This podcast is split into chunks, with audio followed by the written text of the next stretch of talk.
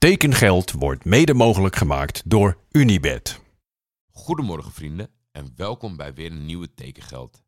De uitzending van gisteren was ontzettend lang, maar ook ontzettend leuk, want dat is het altijd als Peter Buurman te gast is. Vandaag ga ik het heel kort houden. Het grootste gedeelte van de dag was ik op het water. Ik was uitgenodigd in combinatie met een aantal vrienden van mij door Danny Abels op zijn prachtige sloep om lekker te dobberen op de Amsterdamse wateren.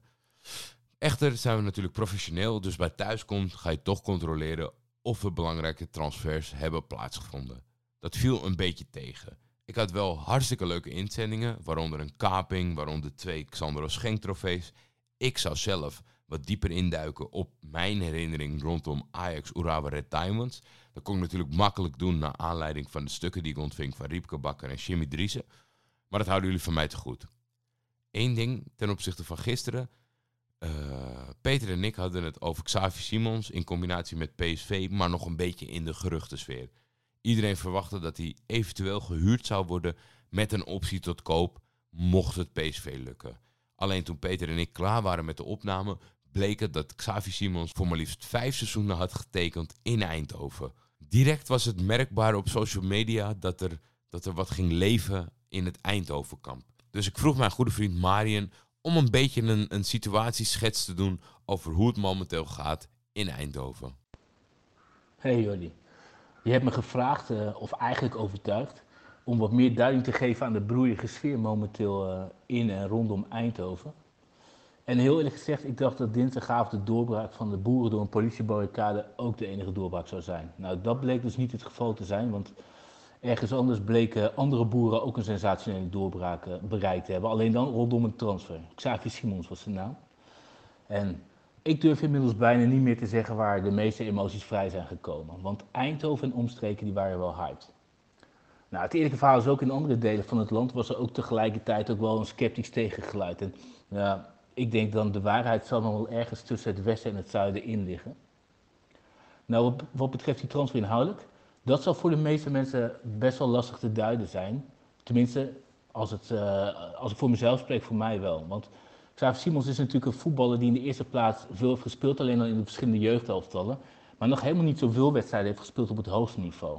Nou, qua social media grootheid past hij wel aardig in het profiel van de man die hij moet opvolgen, Mario Gutsen. Maar dat zullen vast niet de enige criteria zijn waarop hij gehaald is. Als je een beetje om je heen kijkt en je leest dan de verhalen van de echte kennis, want dat ben ik uiteraard natuurlijk helemaal niet, dan uh, lijkt het een intelligente, technische en bewegelijke voetballer te zijn. Dus hij past wel in het profiel van die nummer 10 die uh, PSV zoekt. Maar ik denk eerlijk gezegd dat de extreme hype bij de PSV-achterban nog ineens uh, te maken heeft alleen met deze transfer. Want PSV, als je overal kijkt, lijkt namelijk momenteel best wel doelgericht, zelfverzekerd en creatief te handelen. Als je dan een aantal maanden geleden die geruchten las, bijvoorbeeld rondom de komst van een nieuwe doelman, dan las je de geruchten rondom Sears of Tim Krul, terwijl we nu momenteel misschien wel met Benitez uh, de beste keeper van de League 1 hebben binnengehaald. Nou, als ik voor mezelf spreek, dat is toch een beetje alsof je je mentaal voorbereidt op het kopen van de Fiat Panda en ineens sta je een Ferrari te bestellen. Nou, datzelfde geldt denk ik ook wel een beetje voor Xavi Simons. Van allereerst huur zonder optie tot koop naar nu ineens een contract tot en met 2027. En dat was natuurlijk wel een hele fijne uitsmijter. Nou, wat de transfer nog betreft, hij zal nu de stap moeten gaan maken naar een continu seniorenniveau. En ik denk, en dat moeten we hem ook wel geven, dat zal vast even tijd nodig hebben. Al las ik ook wel geluiden voor, van mensen dat hij een directe versterking zou kunnen zijn.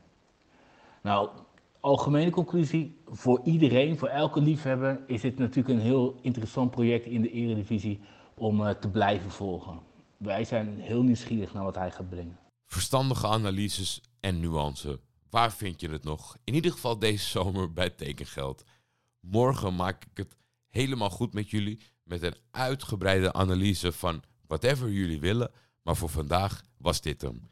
Tekengeld is een Schietvogeltje Media original. Voor commerciële vragen en of samenwerkingen kun je mailen naar schietvogeltjemedia.gmail.com.